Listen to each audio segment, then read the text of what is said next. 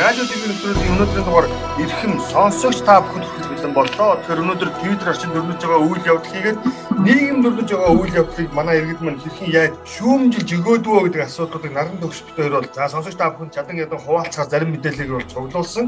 За өнөөдрийн нэвтрүүлэг бол өнгөрсөн 7 хоногийн даваа гарагийн нэвтрүүлэгтэй тун адилхан стилээр явна. Тодруулж хэлэх юм бол цар тахлын нөхцөл байдалтай холбогдуулан бид бас өдөр тутамдаа ажил үйлчилгээнд явж чадахгүй ийм нөхцөл байдал байгаа жирийн адилхан Монгол улсын иргэд учраас ямарваа нэгэн давуу эрх хөдлөж одоо нэвтрүүлгээ бэлтгэж чадахгүй байгаа юм нөхцөлөд би өөрөөр хэлэх юм бол наран төгсөлтөөр бол зүүмээр холбогдож өнөөдрийнхэн дугаарыг бол явуулж байгаа гэдгээр бас та бүхэндээ бас тодгож хэлсэн зүв бах. Учир юу гэхээр бас зарим нэг за ингээд техникийн шин чанартай дуу дүрсний гацалт үүсхийг бол үгүйсэхгүй энэ болгоныг сонсогч та бүхэн бас зөвөөр ойлгож бас хүлээцтэй байгаарэ гэж хүсгэсэн юм аа гэж. За наран төсөө сонсож байна намайг Сонсч байна, сонсч байна. За. За өнөөдрийн жиргээ бол гадаад хэргийн сайд агсын цогтбаатрийн жиргээ их онцлогоор жиргээ байлаа. За. гэж харж байна. Энэ жиргсэн бэ гэхдээ Спутник вакцины 4-р сарын 30-нд ачигдаж инчоноор дамжин Монголд ирэхээр болжээ гэдэг. Гайхалтай. Твиттер утсаараа ирсэн байна. Энэ бол маш гоё мэдээ байна тийм ээ. Маш олон иргэний хувьд бол үндсэндээ Оросын холбооны улсаас ачигдах Спутник V нэр төрлийн вакциныг бол хүлээж байгаа. За яг одоо бол буюу өнөөдөр 4-р сарын за 28-ны өдөр бол 18-аас дээш насны за иргэдийг сайн дураараа вирусол нэр төрлийн вакциныг хийлгэж болно. Дахлаажуулалтын чигээр дамжуулаад хийлгэрэ гэдэг ийм уриалга гарч ирсэн. Өчигдөр бол 45-аас дээш насныхан бол хийлгэнэ гэсэн мэдээллийг хүргэжсэн тийм ээ. За өнөөдөр бол ингээд 18-аас дээш насныхан вирусол нэр төрлийн вакциныг бол хийлгэж эхэлж байгаа. За харин AstraZeneca нэр төрлийн вакциныг бол За ингээд шинээр одоо татан авалт хийгдээгүй учраас зөвхөн 20 дугаар том гүйцэлгэж хийх ёстой хүмүүс хийлгэнэ гэсэн мэдээлэл. Тэгэхээр чиний саяны жиргэн дээр Батар сайд асны бичгийн их хурлын гишүүний хэлж байгаачлэг 30 үнэхээр ачигдаад ингээ Улаанбаатар 5 сарын 1-нд багтаад бууж чадах юм бол за үнэхээр маш олон иргэдийн хувьд бол бас тодорхой хэмжээгээр нь вакцинжуулалтанд идэвхтэй хамрагдах нөхцөлийг бас бүрдүүлэх нэ гэж зүг үү? За одоо одоо Өчигдөр юу болсон бэ гэдгийг бүгдээрээ мэдчихэж байгаа. Карантин 14 гэдэг шоу за олон телевизүүдийг хамраад за ингээд зохион байгуулагдаад дуус. За үргэлжлээд за мэдээнийг их тодголтой телевизүүдийг хамарсан бас нэгэн мэдээллийн урсгал нэртэй ийм хөтөлбөрийг за ингээд телевизүүдийн холбоо зэрэг янз бүрийн төрийн бас байгууллагууд хамтраа зохион байгуулж байгаа ийм үзэгдэл бий боллоо. За энэ хүү нэвтрүүлгийг дагсан жиргээ өдрийн твиттерчдийн хамгийн их санал бодлого хоорондоо уралдуулсан өөр орондоо үг хаялдсан. За бүр даашаа гэж хэлдэг тийм би энийг өгөөцсөн магтсан эсрэгээр нь би энийг за жоохон уулсан тийм үү? Ийм жиргэнд хөрс. Энэ асуудал дээр улсын хэрлэн гишүүн асан танхимын дарга байсан Дэмбэрлгой жиргс Дэмбэрл самбууг агнаас карантин 14 гарахаа болоод сэтгүүлчид нийлээд мэдээлэл нэг урсгалтай болгоё гэсэн юм аа да альва нэг юм үзэгдэл суртал нэг нам нэг өдөртөгч нэгдмэл бодлого гих мэтэр нэг болоод ирэхээр л биш болдог шиг санагдаад байх юм аа. Бүх юм нэг болоод ирэхээр олон гэсэн ойлголт үгүй болдгоо гэж хэлсэн ба. Энэ бодмоор үг тийм ээ.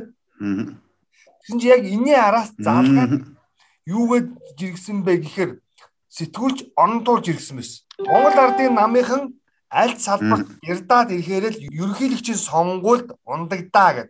Түүнийг нь төвшөндөө өс тиймдээ үнэн шүү гэдэг.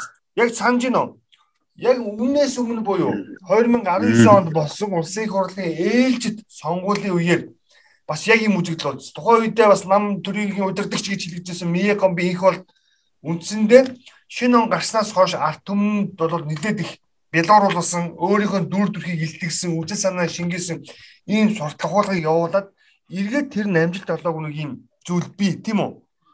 Тэгэхээр энэ алдаагаа магадгүй ардын нам давтах үедээ гэсэн сануулга энэ яваад байгаа юм гэж харсан би лав. Тэгээ зураг цогтойгоо бас зураг зурж тайлбартай оруулсан. За. Тэр зургийг бол манай хүмүүс бүгдээрээ сонсогч нар харсан бах. Махны машин тавьсан. Машин руу болохоор махны оронд нөө телевизүүдийн лого тий туузнууд телевизүүд орж байгаа.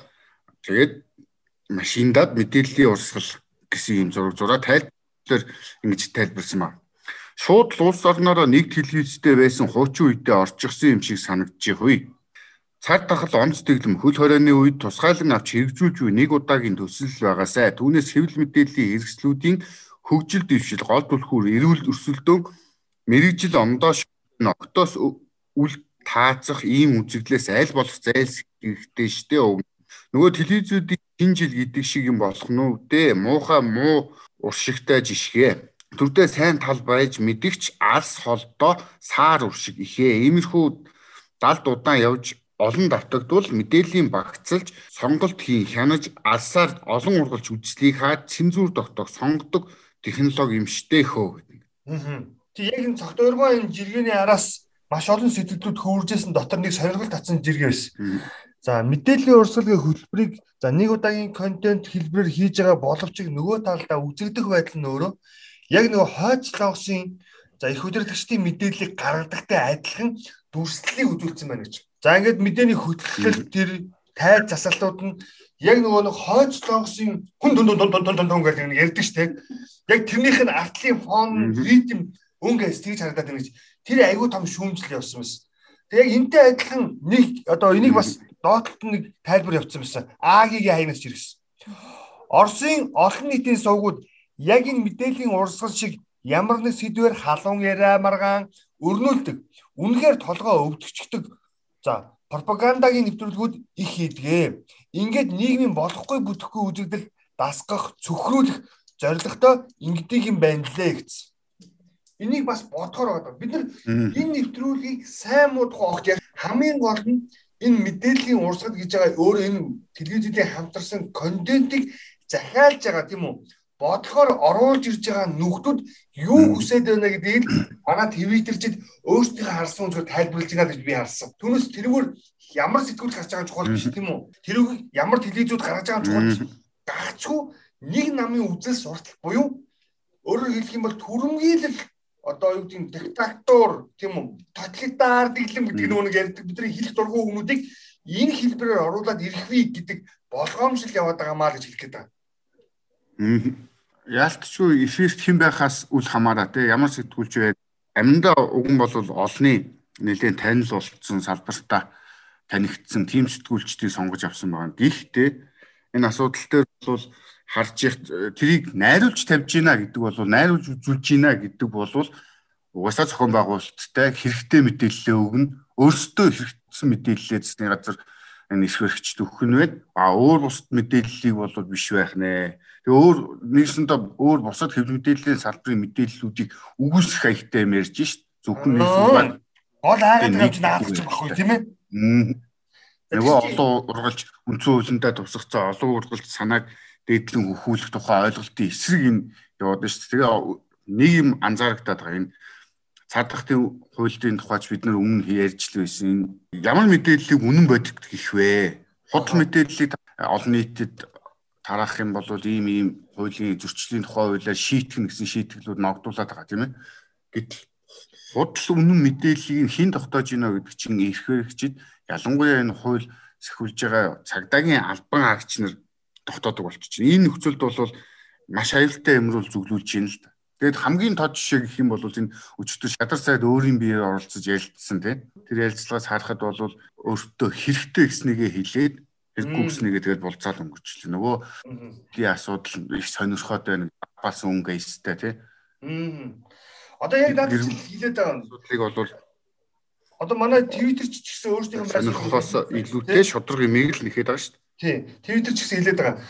Энд чи хий хөдөлж байгаа аль шугаар гаргаж байгаа нь чухал биш ээ. Өөрөө сэтгүүл зүйн маань бас нэг юм руу ингээд өөр өөр өнцөгийн байр суурьтай хүмүүс маань нэг юм руу амаа өмгүүлж байгаа юм биш үстэй гэсэн хардлагууд явсан. Тэр чи яг иймтэй холбоотойгоор хасуудрын аянаас жиргсэн. Юу гэсэн бэ гэхээр тгүүл зүйн салбарт өөр орон зай шинэ өнгөтөртэй сэтгүүлж гарч ирэх боломж юм биш үү дээ. Энэхүү шоуч нэгсэн. Бас бодох ёстой. Хортой шартай залуучуудын хувьд энэ цаг хугацааг ашиглаад өөрсдийн өнгөө илэрхийлэх боломж байна гэж хэлж байна. Яг энтэй адилхан Дүндийн Даранбаатар бас жиргсэн. Шин за цоо шин үеийн сэтгүүлчд хаалга цөм зөхөд гараад ирээсэ. Энийг хідэн дөрүүдээс үнэхээр залгаж байна шүү гэсэн. Тэгэхээр юу хэлж байна вэ гэхээр нийгэмд маш цөөхөн тооны сэтгүүлчдийн төлөөлөл байна гэдгийг эдгээр хэлээд байгаа. Тэгэхээр олон мэдээллийг зөв зөв талаас нь харуулдаг, үзүүлдэг ийм хүмүүс бидэнд бас хэрэгтэй байна гэж эндээс харах гэдэг. За. Дараагийн нэг юм сонирхолтой жиргээ явсан. Юу вэ гэсэн чинь надад нэг одоо саяны энэ үйл явдалтай холбоотой ялангуяа мэдээллийн урсгалтай холбоотой бас нэг сонирхол татсан жиргээ юу гэхээр гана гэдэг хаягнаас жиргсэн. Гүн нэмор гэдэг хаяг билээ уг нь бол. За юу жиргсэн бэ гэхээр эдгээр чинь сонгогчдийнхоо сэтгэл зүг сайн мэддэг болохоор энэ хоёроос болоод нэг их хичээд санаа зовоод байх юмгүй штэ. Сонгуулийн өмнө зомби шиг болцсон ядуустаа 500к тараагаад бишээ 50к тараагаад хэдийн видео клип үзүүлээд мартуулна. Ямар арт юм цэг цэг цэг гэсэн. Юус энэ ихгүй. Одоо яг нөгөө нэг тогтолцоогоор буюу хуучин технологиор явж ин л та нөхдүүд. Яг намынхан үдэл сурталыг яаж түгээн дэлгэрүүлэх үү? Түүнийг за хин ямар суугаар хамгийн түрүүнд олон нийтэд хүргэхгүй гэдгийг барьж авсан. Тэний ихний золиос нь одоо хэл мэдээллийн салбар болж байна. Мөн үү? Ингээд хэвлэл мэдээллийн салбарыг нэг болгож байгаа дүр зураг харуулж өөрсдийнхөө үзэл санаа ярих байгаа зүйлээр тулгаад за ингээ энэ хооронд нь ард түмэн хайсан ясан дээр нь зодолж явах хооронд бидний хараас улам бүр нэмгэрж байна. Тэнгуут нь араас нь вакцин гэдээ бахан юм шидэж. За вакциндаа очрлоод бас хоорондоо гэж ясаа булаацалтай байж идэл яг саяны хэлж байгаа чинь 50к тараагаад хэдэн ирээдүйн гоё болно гэдэг видео клип цацаад ингээд сонгуулийн ард гарч ид гэсэн бодол хуучин технологи яваад байна даа гэж ийм дүр зургийг хинчиж иргсэн байна. Тэр чиний хувьд энэ дээр ямар саналтай байна? Ер нь лаажим аажмаар л тэр асгамруул төхөөл байгаа л үзэгдлүүд араараасаа л илэрч ийн л та хууль гэнэлтгийн төвшөнд ч гэсэн за одоо энэ хэвлэл мэдээлэл рүү ороод ирж байна. Мэдээч хэрэг энэ дээр нэг юм болвол энэ арилжааны телевизүүд бол уг нь телевизийн холбоо өөрсдөө зохион байгуулаагүй гэдгийг мэдээлэл гаргаад хийсэн Энэ бол арилжааны ийм контентоо гэдгийг сайтар өөрсдөө иргэдэд зарлан тунхаглах хэрэгтэй юм шүү. Аа. Үүний дараа бас тэр бизнесийг байгуулах шүү дээ. Тэрийг зарлан тунхаглахгүйгээр ингээ бүх урсгалаа ингээд найр тавиад өгчихлээ нэг урсгалаа гараад ирж байгаа юм. Тэгээд өөртөө бол мэдээлэл хийгээд байгаа юм л. Мэдээллийн хөтөлбөрүүд бол тустай байгаа. Энэ зүгээр ингэж нийлж хийж байгаа контент оо гэдгийг хэлээд байгаа. Гэвч яг нь цар тахлын эсрэг хамттай шүү гэдэг санааг илэрхийлж гинэ л гэсэн зүйлээр тайлбарлаад байгаа шүү дээ. За. За нэвтрүүлэгтэй хамтаа сонсогч та бүхэнд баярлалаа. Радио жиргээ нэвтрүүлгийн дараагийн хэсэгт гэдэг шийдвэр. Миний дараагийн онцолж байгаа жиргээ бол за ээж дулмаагийн аягнаас жиргсэн жиргээг онцолж. Яг тэгвэл бас л энэ хөл хоройтой холбоотой. Өөрөөр хэлэх юм бол хөл хоройг арай хөнгөн хэлбэрээр за маш бүтээлч байдлаар шийдэж байгаа хэсэг бүлэг хүмүүсийн талаар жиргсэн байсан. За ээж дулмаа юу гэж жиргсэн бэ гэхээр Энэ оюутан хүүхдүүд чинь хөл хориогоор хичээл хийгээд байгаа юм уу хүүхэд хийгээд байгаа юм уу гэсэн байгаа хөөхгүй. Тэгэхээр яхаарахгүй манай оюутан залуучууд өсвөр үеийн үржлийн насныхаа маань одоо гарьяа гарч болохгүй орё орох газар цөөхөн. Өөр хоорондоо ойрхон байгаа хүмүүс одоо ингээл үржлийн насн дээр явж байгаа юм байл үү. Тэгээд 2021 он Монгол улсын иргэнийг магадгүй 4 сая руу төхүүлж байгаа хаа гэж найдаж шít. Зэнтэйгооч бас энэтэй холбоотой одоо 2 дугаар цугаар гэх юм уу нэг жиргээ хийсэн. За Өчтөр энэ жиргээ болохоор нөгөө сайхан гигэнтэн түрүүний ярьжсэн нэвтрүүлэгт бас оролцож өөрийн байр сууриа илэрхийлсэн тий. Бол тэрнээс үүдсэн жиргээ юм шиг байна. Зэнтэйгоо жиргчээ.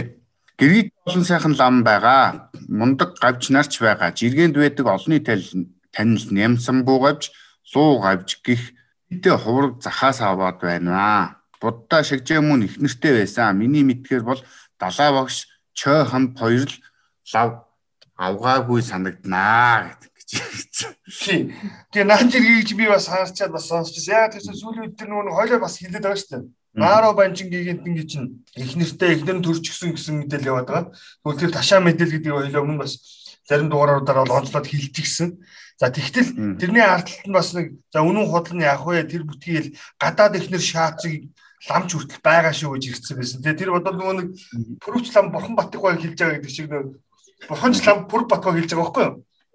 Сая зориуд гэж хэллээ. Зарим нэг нөхдүүд чинь нөгөө нэг андуураад пүрвч лам бурханч лам пүр бат гэдэг чинь бурхан пүрвч лам бурхан бат гэж тайлбарлаад байдаг. Тэгээд энэ нөхрийг хэлж байгаа юм болоо да гэж харсан. Тэгээд энэтэй холбоотойгоор бас нэг сонирхуулаад хэлэхэд нэг юм гэрлээ гэдэг хаягнаас хөгжлөлтөр нэг жиргээ оруулаад ирсэн байсан. За энэ юу вэ гэхээр одоо англи хэлний үгийн санд тодорхой хэмжээний өөрчлөлт оруулж байгаа дикшнери гэж ярьдаг тийм яриа хэлний орчуулгын тодорхой хэмжээний өөрчлөлт орж байгаа болоо да гэж харахаар жиргэг оруулсан. Юу гэж нэхэр чи дандаа юмны төрөнд явж байх юм а гэдгийг англиар юу гэж орчуулах вэ гэсэн чинь Are you from Булган гэж байгаа байхгүй. Одоо манай булганыхан чинь одоо юм болгоны анхдагч болоод байна шүү дээ. Тэгэхэд одоо тэр үгийг одоо англиар одоо айгүй эртэйхнэр ярих юм бол ерөөсөө чи юмны анхдагч уу чи эхэлж ирсэн үү ч гэдэг юм уу те? Чи дөрөвсөн үү гэдэг асуудал бол are you from Bulgaria? гэдэг асууж you are first гэж ерөөсөө ярихгүй байна шүү дээ тийм үү? Аа иймэрхүү жиргээ бас харагдчихсэн. За дараагийн нэг сонирхолтой жиргээ байгаа. За. Аа отхон сүхгэй аягнаас жиргсэн бас энэ маш идэвхтэй жиргээч гэдэг за энэ жиргээч нэг гой зургийг оруулсан. Нэг хөшөөний зураг байгаа. Энэ манай хаан уул дүүргийнхэн мэднэ. За ингээд Home Plaza буюу Жаргалан хотгоны урд талд за Махмата Гандигийн хөшөө байдаг. Бид бас нэг туранхаа бор нэгнийгээ шоолоод чиний хөшөө тэнд байлаа гэдэг нэгнийгээ шүүмжилж гэх юм одоо өгөөддөг. За тэр нөхрийн хөшөөг тавиад Тэгсэн чинь тэр хөшөөний доотлолт нь маш сонирхолтой 7 хүний хийдэг хамгийн хүнд нүглийг бичсэн байдаг юм байна. Аа. Хүмүүс одоо тэр яг Махмата Гандигийн хөшөөний доотлолын суурь шүү дээ. Тэрэн дээр нэг 7 хүний хамгийн хүнд нүглийг гэж биччихсэн байдаг. Бид Гандигийн хөшөө байна уу зарим нэг энэ юм хөшөө гэдгээс биш тэр хөшөөний ач холбогдол тэр хөшөөний өгүүлэмжийн талаар юус огт мэддэггүй байна гэдэг зүгтээс энэ жирийг чирж ирж байгаа маа. Тэгээд Махмата Ганди гэж ямар хүн байсан бэ гэдэг товчхон бас мэдээлэл өгөх зүг баг. Яа тэр 2000 оноос хойш бүр дааш гэж ярих бол 1992 оноос хойш хүүхдүүд баг сайн мэддэхгүй болчихсон энэ үнийг. За бидний хэсэг цөөн одоо нөгөө динзаврын үлэг гүрийн гэж хэлдэг үлдэгдлүүд маань бас энэ хүний тухай бас цөөнгөө мэддэг. Энэ хүн бол шудраг үннийг эрэлхийлэгч тийм ээ. Улс төр нийгмийн зүтгэлтэн. За нийгмийн тэгш бус байдлыг үндсэндээ бол үгүй хийж арилгахын төлөө байдаг ийм төр нийгмийн зүтгэлтэн энэтхэгийн ийм маш мундаг за улс төрч гэхээсээ илүү нийгмийн зүтгэлтэн ийм хүн байдаг. Байсан. Оюун санааны өдөр. Оюун санааны их өдөртөгч гэж бас ярьдаг тийм ээ. Тэгээ энэ хүний хөшөөний доотлолт хамгийн хүнд 7 нүгэл гэдэг дээр юу гэж бичсэн байсан бэ гэхээр нэгт нь хөдөлмөрлөж олоогүй эд хөрөнгө, хоёрт нь ухамсаргүй зугаа цэнгэл, гуравт нь зүрх сэтгэлгүй мэдлэг, дөрөвт нь ёс суртахуунгүй арилжаа, тавт нь хүмүүнлэг биш шинжлэх ухаан, зургаад нь зориулах сэтгэлгүй шашин, долоод нь зарчимгүй улс төр. За ингээд энэ 7 нүглийг ингээд жагсаалтаар нь уншаад арталт нь Монголын нийгэм улс төрийн нөхцөл байдлаар тавиад үзэх бүгд байна. Ясын шидэн бүрдсэн гэдэг шиг тий. Хөдөлмөрлөж олоогүй хэд хөрөнгө энэ парламентд сууж байгаа бүгдэд байгаа. Яагаад гэвэл тэр хүмүүс зүрх сэтгэлгүй мэдлэгтэй, ёс суртахуунгүй арилжаа хийсний үр дүнд хөдөлмөрлөж олоогүй хэд хөрөнгөтэй болж байгаа маа. Тэгээ энэ хүмүүс ухамсаргүй зугаа цэнгэл туйлын их дуртай. Төрүүжээсээ эхлээд are you from Bulgaria гэд нэрлэгдээд эхэлчихсэн тий. Тэгээ хүмүүнлэг бус шинжлэх ухаан гэдэгт бол энэ ковидын нөхцөл байдлын тэр тусмаа за 5 удаагийн хатуу хөлөөрөө харууллаа гэж. Үнэхээр хүмүүнлэг шинжлэх ухаанч байдлаар бид асуудалд хандсан болвол арай өөрөөр юмыг шийдвэрлэх хүмүүсийнхээ эрхийг хамгаалах тал дээр эрхийг хангах талаар өсөхгүй байх тал дээр ажил орлогыг хаахгүй байх талаар альж болох байсан. Гэтэл хүмүүнлэг биш шинжлэх ухаанч байдлаар хандсанаас болоод өнөөдөр асуудал юм байна гэдэг бодох Зориулах сэтгэлгүй шашин гэдгийг бүр тодтогч хэлнэ. Чи бүр сайн бидэнд яагаад төрөө ордон манай нөхдүүд чинь бүр хингэр дэлдээд сүд болоогүй гаалмал дахиад. Тэгэхээр шашин гэж юу хэлэх вэ гэхээр тухайн хүний итгэл үнэмшил сүсэг бишэрлэдэг түүнийг хүчээр бусдад тэр дундаа олон нийтэд түгээн дэлгэрүүлэх гэж оролдох нь өөрөө бас юу тийм ёс зүйгүй үйлдэл юм аа гэж хэлэх гээд байгаа байхгүй юу? Зарчимгүй улс төр гэдгийг бол чи тэрээр хэлэлдэг манай сонсогчдод өөрсдөө мэдж байгаа тийм ээ. Ямар улс төрийн зарчимтай улс төрийн хүн ямар улс төрийн зарчимгүй улс төр өгөх? За жишээлбэл одоо нөгөө их хурлын даргын хэлжсэнчлэн Япон руу адил хөгжиё гэж хэлж байгаа чи өөрөө зарчимтай улс төр үгний үг байх хэвээр хатал зарчимгүй улс төрчид Япон руу адил хөгжиё гэж хэлээс сууж байгаа нь хэр бас зүйд нийцэж байгаа гэж бодгол бодол болчиход байгаа. Хамгийн энгийнээр хэлэхэд өнөөгийн улс төр шиг улс төрийг зарчимтай улс төр гихгүй гэж хөнгөлж байна. За. За энэ нөгөө сошиал орчинд олон дагагчтай хүмүүсийн манай энэ сошиалын хам том од гэгддэг осорч юм а тийм. Аа за. Залуу өөрийн аккаунтаа зарсан юм шиг байна. Энэ талаар таяар баярж иргэжээ. Орчны хамгийн том 8 явагдсан бол тэ авсан өгсөндөө үлжижтэй байгээ. За. Жирэгцэн. Манай ишэр нийтдээ болохоор энэ 242849 дагагч байж. За энийг тэгсэн доор нь жиргцгээж ийн ингээд 6 гэлүү 8 саяар гэсэн л гэнэ. Тэр мөнгөн нүрэн чухал биш нөө. Тэг хамгийн гол тэгсэн чинь үнэн болвол энэ осорж ямаа тархитуулжээ гэн энэ өшөө илүү үн хөрөх ёстой аккаунт гэж ойлгож шít тий. Аа. Би бол тэгж хараад байгаа.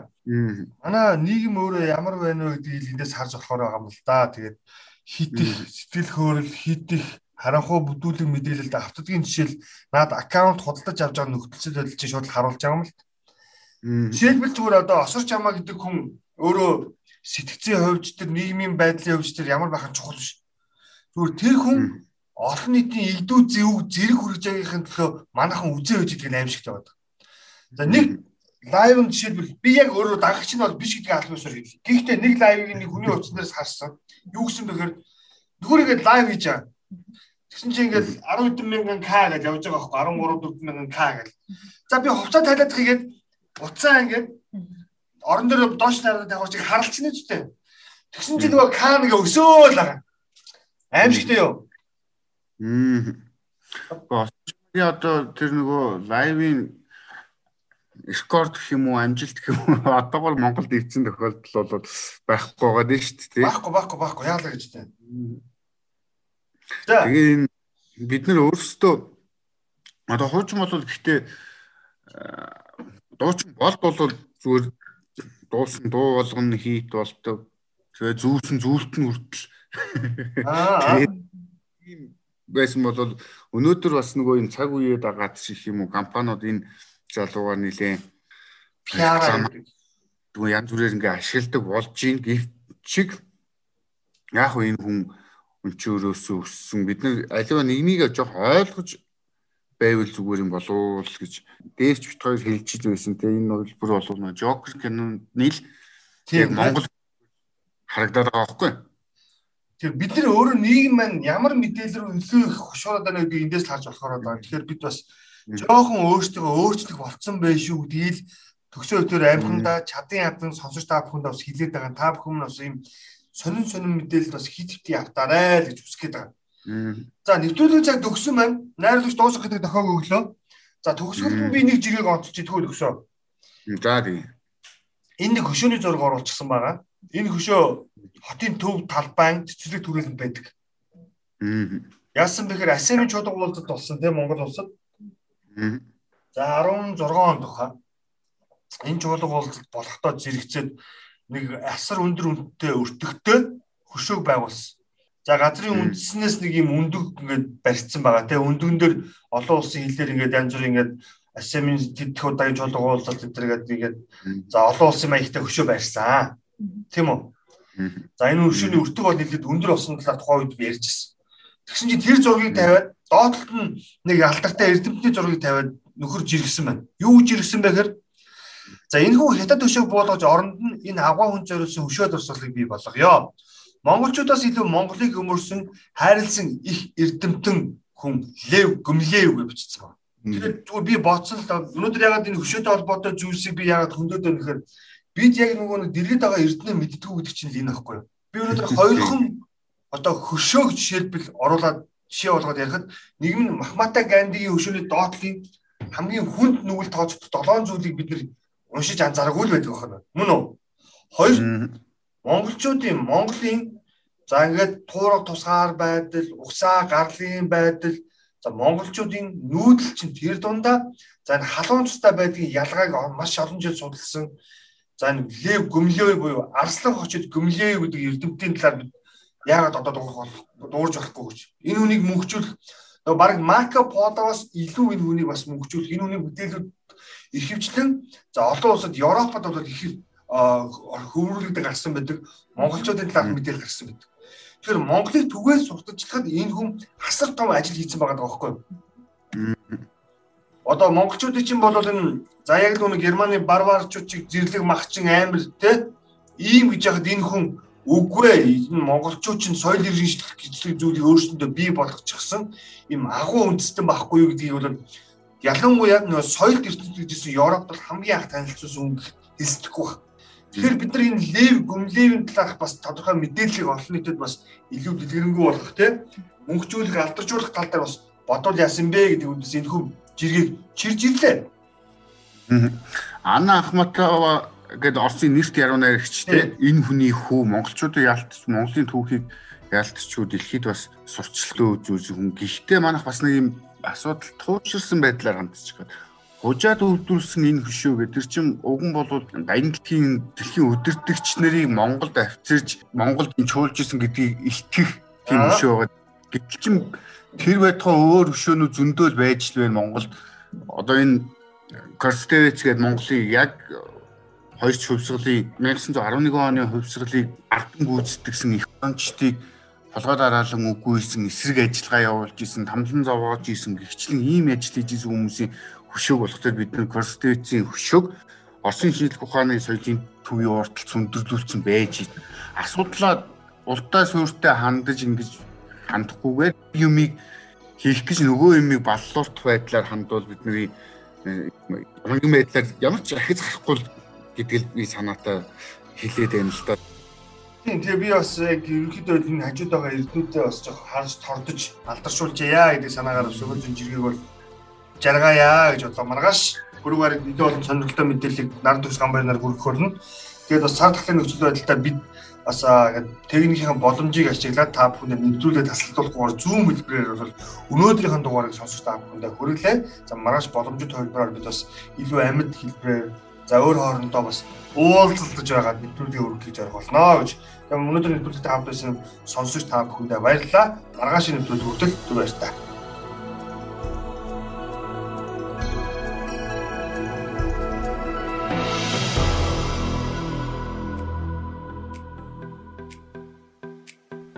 Та өөрөө эрүүл, эрч хүчтэй, өөдрөг байж бусадаа эрг сайхныг дүгэй. Тиймээс та өөрийн дархлаагаа дэмжин гэрийн дэглэмэж шаналан сахиж маска зүүж өөрийгөө болон бусдыгаа эрсдэлт нөхцөл байдлаас хамгаалаарай. Игэл радио 91.1